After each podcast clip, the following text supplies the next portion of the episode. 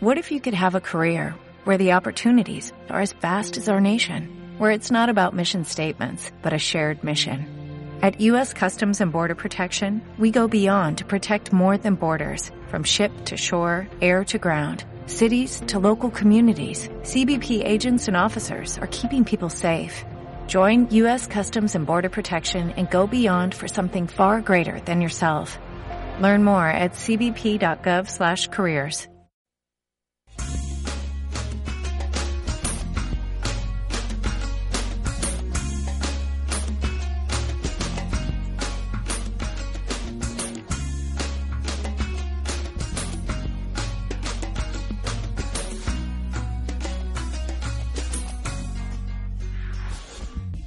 Hola, benvinguts un altre dimecres al programa Sprint de Vida, un programa on, eh, ja ho sabeu, tractem temes d'alimentació, salut i esport. Avui, precisament, parlarem sobre la diabetis.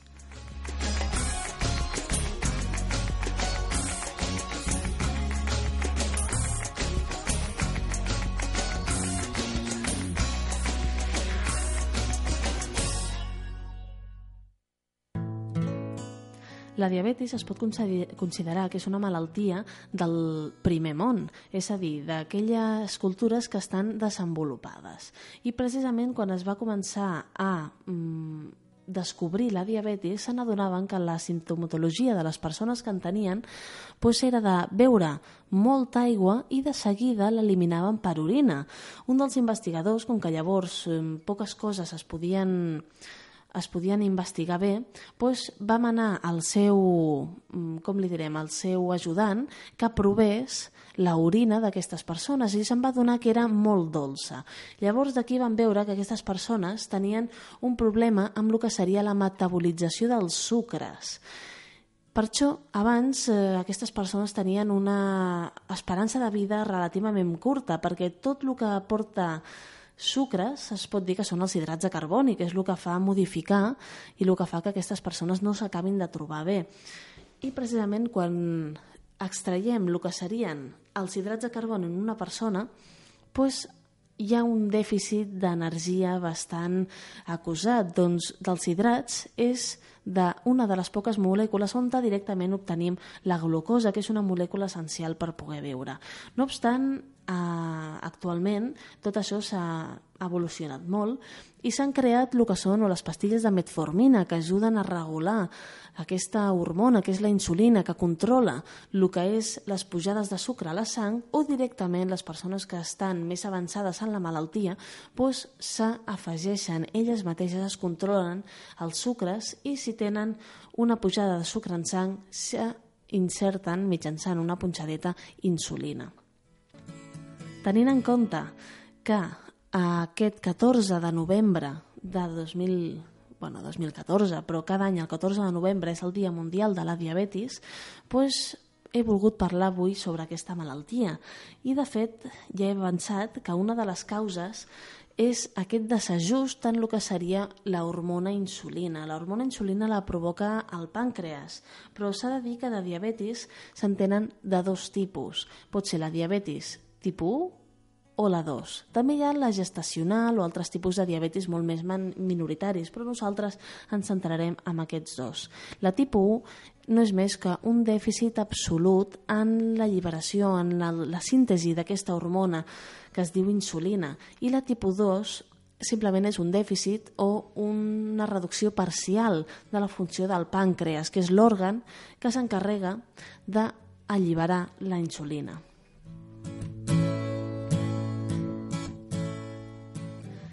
La diabetis tipus 1 ho tenen un 10% del total de diabètics que hi ha arreu del món.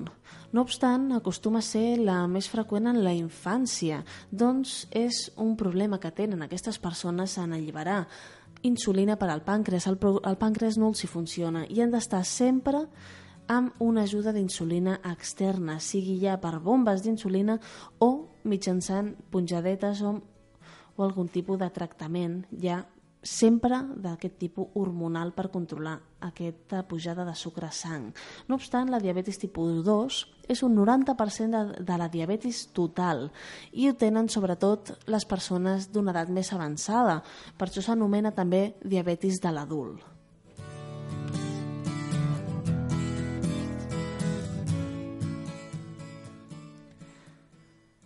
La diabetis gestacional, ja que l'he mencionat abans, eh, ocorre algunes vegades en, sempre en la gestació i s'ha de controlar bastant, ja que podria provocar algun problema visual en el fetus o fins i tot en la mare, amb aquests nivells elevats de glucosa. Per això és important que se'ls facin proves de glucèmia a lo que serien les, les dones que estan embarassades.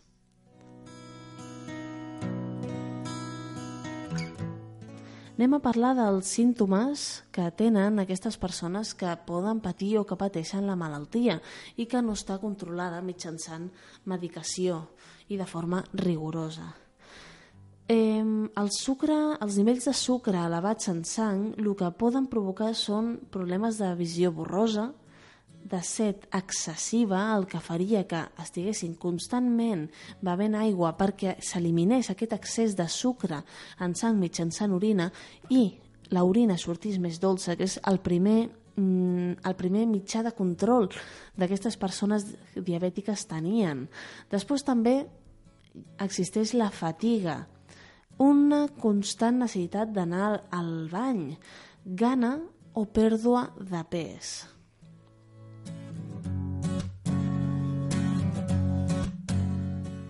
Les persones amb diabetis tipus 2, que recordem que és la de l'adult, eh, és una malaltia que es pot desenvolupar a poc a poc i algunes persones fins i tot són alienes a que estan tenint aquest tipus de diabetis, perquè on que el cos s'ha anat acostumant a poc a poc als símptomes, ho tenen com algo normal i per tant se'ls pot dir que són asimptomàtiques. Els símptomes, però, de la diabetis tipus 1 es desenvolupen en un període realment curt de temps i les persones poden estar molt, molt malaltes quan se'ls diagnostica la malaltia. Mm, valors per sobre de 200 en el control del sucre a la sang ja serien perillosos i més si s'eleven a 300 o 400 i normalment aquestes persones amb diabetis tipus 1 tenen un augment de més de 400 en el sucre a nivell sanguini.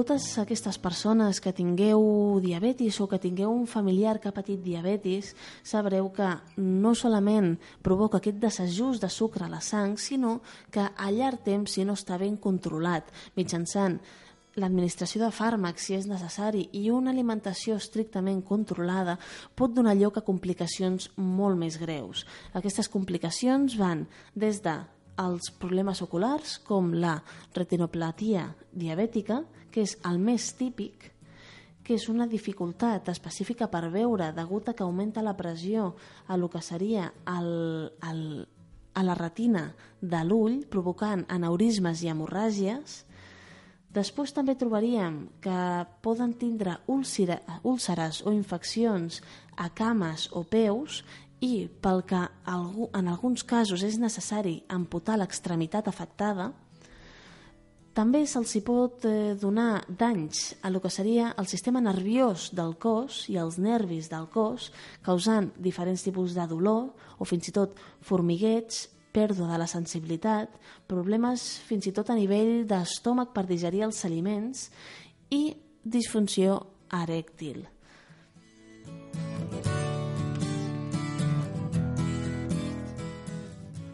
Aquests serien els problemes més freqüents, però n'hi ha d'altres com serien els problemes renals, que podrien provocar una insuficiència renal, el debilitament del sistema immunològic i també un augment de la probabilitat de patir un atac cardíac.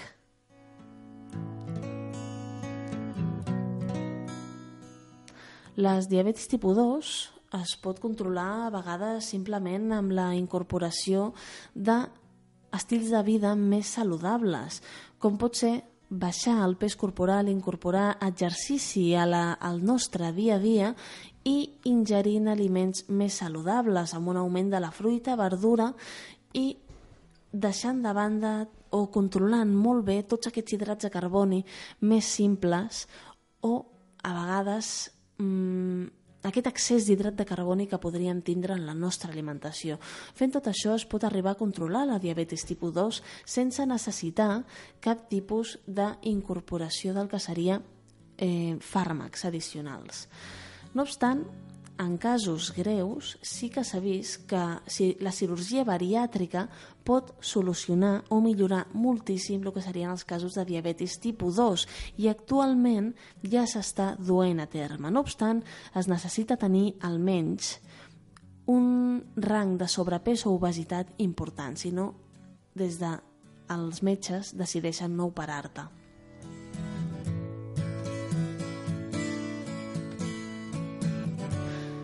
En qualsevol tipus de diabetis, el tractament no consisteix solament en medicació, sinó també en dieta i exercici per controlar el nivell de sucre a la sang. En els casos de diabetis tipus 2, l'exercici físic el que farà és que la hormona insulina no hagi de treballar tant, doncs el múscul ja consumirà aquest augment de sucre a la sang i es necessitaran unes dosis més petites d'insulina. De la mateixa manera, totes aquestes persones que ja de per si estiguin tractades amb insulina i vulguin incorporar una activitat física perquè no la fan, han de consultar el seu metge per regular les dosis d'insulina.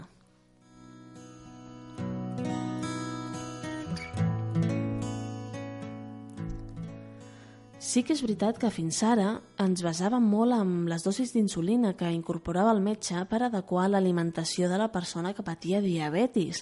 No obstant, en l'últim congrés de dietistes nutricionistes que es va fer el passat eh, 13-14 de novembre, perdona, el 14 i 15 de novembre a Lleida, es va veure que actualment existeixen un altre tipus de tractaments. Cada vegada s'utilitzen insulines d'efecte més curt, és a dir, més ràpides, que no pas les que s'utilitzaven abans amb un efecte molt més perllongat, el que s'anomenaven de llarga durada.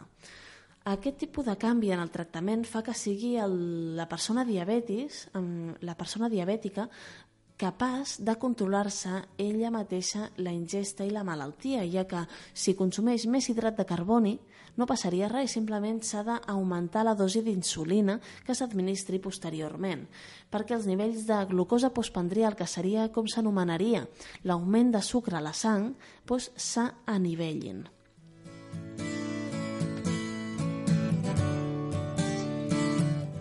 Diguem-ne que fins ara es feia al revés, o sigui, tu en funció de la insulina que t'administraves, vale, que podria ser la mateixa, la teva, que la de 100 pacients amb, diabètics, amb diabetis més, doncs tu tenies que controlar la ingesta amb uns vasos que es deien vasos de racions. Aquests vasos de racions portaven molt controlat el que és els pesos tant d'arròs, pasta, etc. Com més ràpida fos l'absorció de glucosa per part d'aquests hidrats de carboni, doncs més petiteta tenia que ser la ració. O sigui, estem parlant de racions de 40-60 grams d'hidrat de carboni, cosa que a vegades realment mm, feien plats ridículs i a l'hora d'adequar mm, l'alimentació podia ser bastant difícil. És per això que s'està començant a canviar el tractament per a aquest altre tipus, que són amb insulines de més ràpida bueno, de més ràpida administració i curta durada, per lo que es necessitarien més dosis al llarg del dia, però li permetria, li permetria a aquesta persona que té diabetis controlar molt millor el que seria l'administració seva de fàrmac, ja que en funció del que mengi haurà d'administrar-se una dosis o una altra. Això facilita molt el tractament de la diabetis.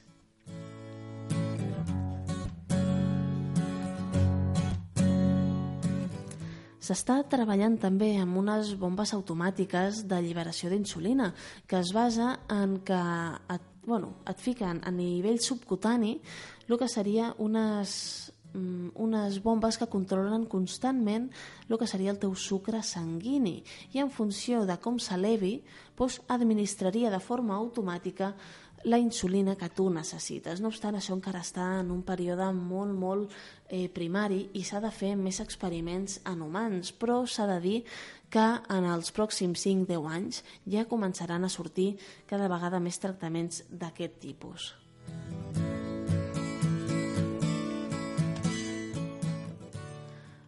Per últim, dir que de, una, un tipus d'alimentació que s'està utilitzant ara per persones amb diabètics són aquests, aquests que impedeixen l'absorció tan ràpida de lo que seria glucosa per part del nostre cos. I com s'aconsegueix això? Doncs bàsicament reduint l'aport de l'aliment de sucre simple, que seria el que més ràpid s'absorbeix, i augmentant el que seria una miqueta els greixos, la proteïna i la fibra, ja que aquests tres elements el que fa és dificultar l'absorció de glucosa per part del nostre cos i contribuiria a que els nivells de glucosa no es disparessin i no necessitessin tampoc tanta insulina, pel que les persones que tenen aquesta malaltia podrien estar molt millor controlades.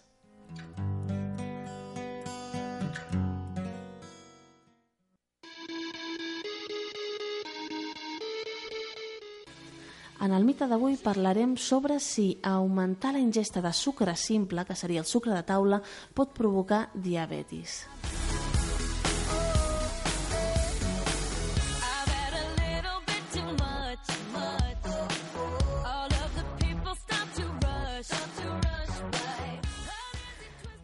El mite de, que la gent creu i s'ha sentit bastantes vegades que menjar mm, masses dolços pot provocar diabetis, però és que la resposta a aquest mite no és tan simple. La causa, per exemple, de diabetis tipus 1 són factors genètics, normalment molt desconeguts, que fan que desencadenin a l'inici de la malaltia en persones molt, molt joves. Normalment, aquestes persones tan joves, que normalment són nens des de la primera infància, se suposa que no tenen un consum de sucres tan elevat, pel que ja aquest mite es desmunta. La causa després de l'altre tipus de diabetis que existeix, que és la tipus 2, són factors realment genètics també, però d'estil de vida. I aquest estil de vida no solament és una alimentació poc saludable, sinó una, un dèficit en l'aport amb, amb l'esport, en fer exercici físic, sumat a un a, un, a, un, a ser fumadors, a persones que estan en un ambient poc saludable, a factors estressants que també puguin desencadenar la malaltia, entre altres situacions. De fet, s'ha de dir que el sobrepès també augmenta bastant el risc de tenir diabetis tipus 2, però no és un factor obligatori, és a dir, el fet de ser una persona amb sobrepès no vol dir que haguem de tindre diabetis tipus 2, però sí que augmenta les nostres probabilitats. Després, una dieta més eh, hipercalòrica, més augmentada en calories, també fa que contribueixi a un augment de pes, pel que també contribuiria a que augmentessin les possibilitats de tindre aquesta malaltia. El que sí està demostrat és que les begudes ensucrades o carbonatades augmenten el risc de tindre diabetis tipus 2 i està directament associat. De fet, l'Associació Americana de Diabetis recomana, recomana que les persones que tenen diabetis limitin el consum de begudes ensucrades, però no solament amb aquestes persones amb diabetis, que elles ja ho saben, sinó amb la població general. I quines serien aquestes begudes ensucrades? Doncs des de la típica la gaseosa, des dels sucs de fruites, exprimits de fruites, begudes energètiques, begudes esportives, tés dolços o altres begudes com podria ser un cafè amb sucre. Totes aquestes begudes que portin sacarosa afegida s'haurien de reduir. Una, una porció de totes aquestes begudes eleva la glucosa en la sang tant o més que menjar-se un plat d'arròs o un plat de macarrons. I, a sobre, l'eleva de forma molt més ràpida i exponencial.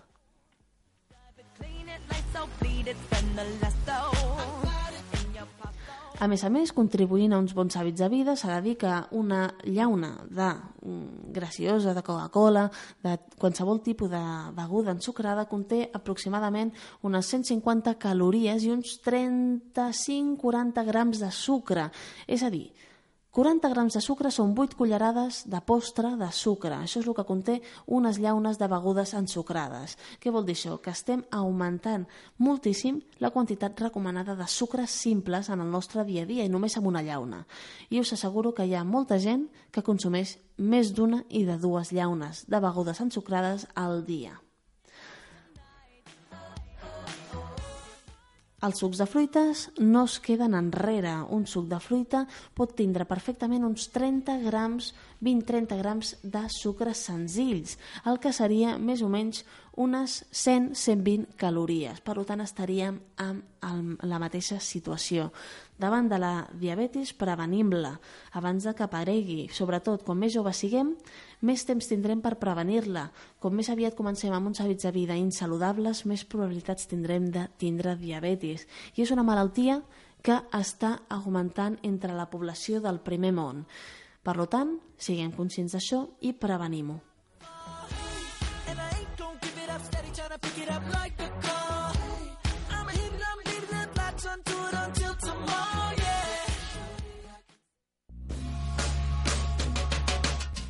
Fins aquí el programa d'avui sobre la diabetis. Espero que us hagi agradat. Soc l'Anna Grífols, la dietista nutricionista de NutriExpert i ens veiem el pròxim dimecres.